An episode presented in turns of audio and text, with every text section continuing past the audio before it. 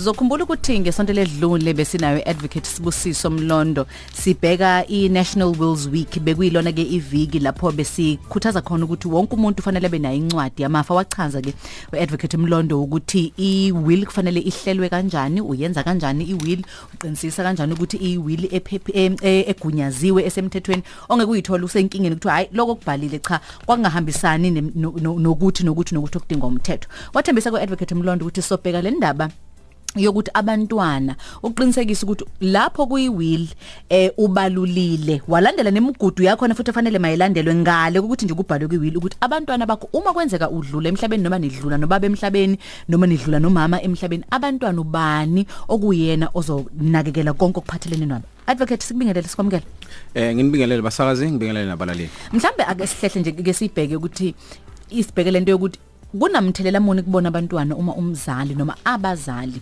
beshona ngaphandle kwewili? Eh kuba nomthelela omkhulu ngoba eh okokuqala eh kufanele kube nomuntu ogunyazekile ukuthi enzele abantwana izinqumo eh ikakhulukazi uma abantwana bengafiki eminyakeni engaphezulu ka18 besabizwa ngama minor children. Eh kuyaye kube kufanele kube khona umzali umzali eh i guardian i guardianship ihlukene kabili. Eh kuyaye kube khona i guardianship eh eh yabazali abazali okuyibona abama biological parents eingane abazala izingane siqi sabo. Bese kuba khona illegal guardianship. Illegal guardianship ke iyona efika ngesizathu se will uma kuukuthi abazali abasekho em be nominate umuntu kwi will ba ba qoke umuntu ukuthi uyena ozoba umzali. Akuzenzakaleli kodwa lokho ukuze akwazi ukuthi a exercise amalungelo enze inqumo zengane. Kuyaye kufanele ukuthi naye aqokwe athole iorder enkantolo emgunyazayo ukuthi akwazi ukwenza lokho. Manje asithi mhlambe sishadile advocate Mlondo bese sifanele bekhona iwill. Umuntu nomuntu bane will yakhe noma fanele sihlanganise eh kuyadependa ukuthi kuya ngokuthi umshadweni umkanjani. Eh uma kuukuthi u i eh out of community of property mm -hmm. without accrual. Eh kushuthi iestate yakho ihlukile kweestate yami. Mm -hmm. eh lokho kusho ukuthi eh singaba namawili ahlukene. Kodwa uma kuukuthi si shade in community of property eh ama iestate yethu ihlangene. I will singazenzela thina ukuthi ngoba uhalf no half womuntu kushuthi ngisho mina ukuthi uhalf wami uzoya kubani uhalf wami nawe usho ukuthi kwiwili yakho uhalf wakho uzoya kubani.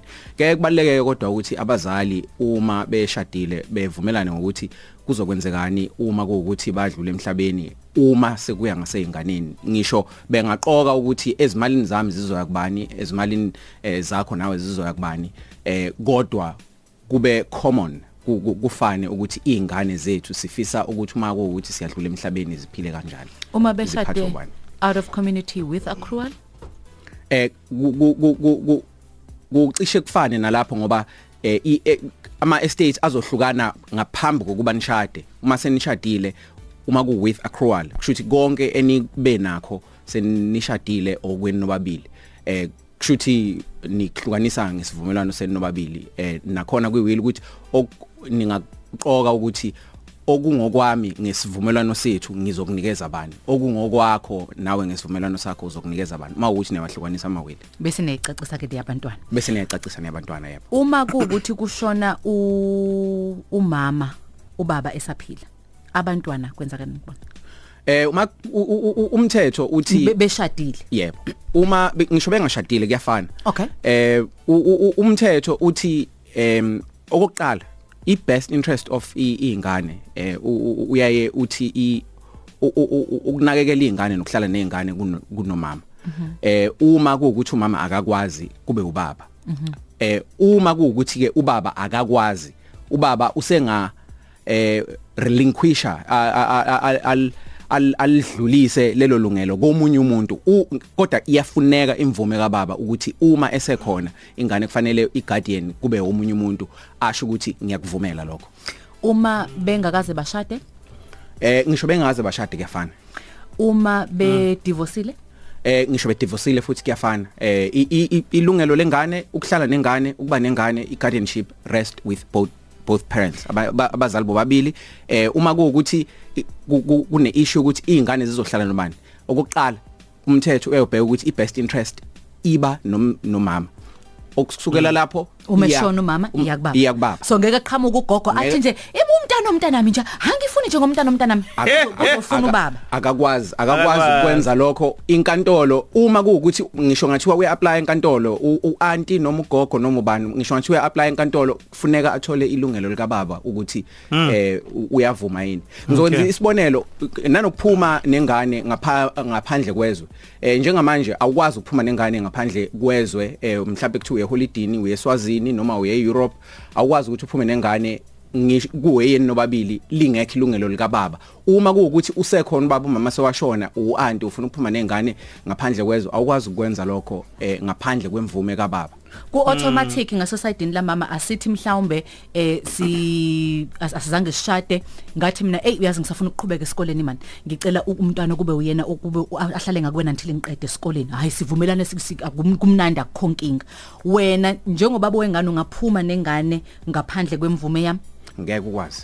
So umzali nomzali. Kudingeka i-unabridged eh, birth certificate yabazali bobabili ne-consent yabazali bobabili ukuthi ingane ikwazi ukuphuma ngaphandle kwezwe ngaphezulu kwepassport Ku- ku- Hey, ku- madodana. ku- kukanjalo ke nelokhunjana ne- nalento le ne- ne- ne- nendaba ye guardianship so ngeke ngithi mina hayi sidivorceile no- no- nokhathide hayi sinokhathide sikaze sishade vele hayi in- in- so ke mina uma ngishona ngizobhala ngithi ngene yami yosala igado sibusiso ngeke ngeke kwen- kwenzeke lokho. Ak- ak- ngisho ngiyathiwa akwazi, ngibhalile ngisho ngathi ubhalile kuzodingeka i-consent kuzodingeka ukuthi avume uma kuthiwa yekatshatha kuzofanele utshatha avume athi ngiyavuma ukuthi ingane yami isale nosibusiso Mangavuma kwenziwe. maye ngavumi angeke kuze kwenzeke lokho Isha abantu abaningi abazazi lezi zinto engcibo. Yabona? Ye- wekhathi Uyabona abaningi abantu abavuleka amehlo kumanje. ba- baningi o o he Abanye o- o- abangasondele einganeni zabo abazi ukuthi umthetho uyabavuna. Ne- nento ithi a- abnabanye abavele balidedela nje ilungelo. Balidedele kanti kahle. Uthola mhlawumbe ugogo manje ustrugglisha yedwa. Ngoba ethi u- ukhulisa ingane yom- yomntana omntanakhe ubaba kumnandi.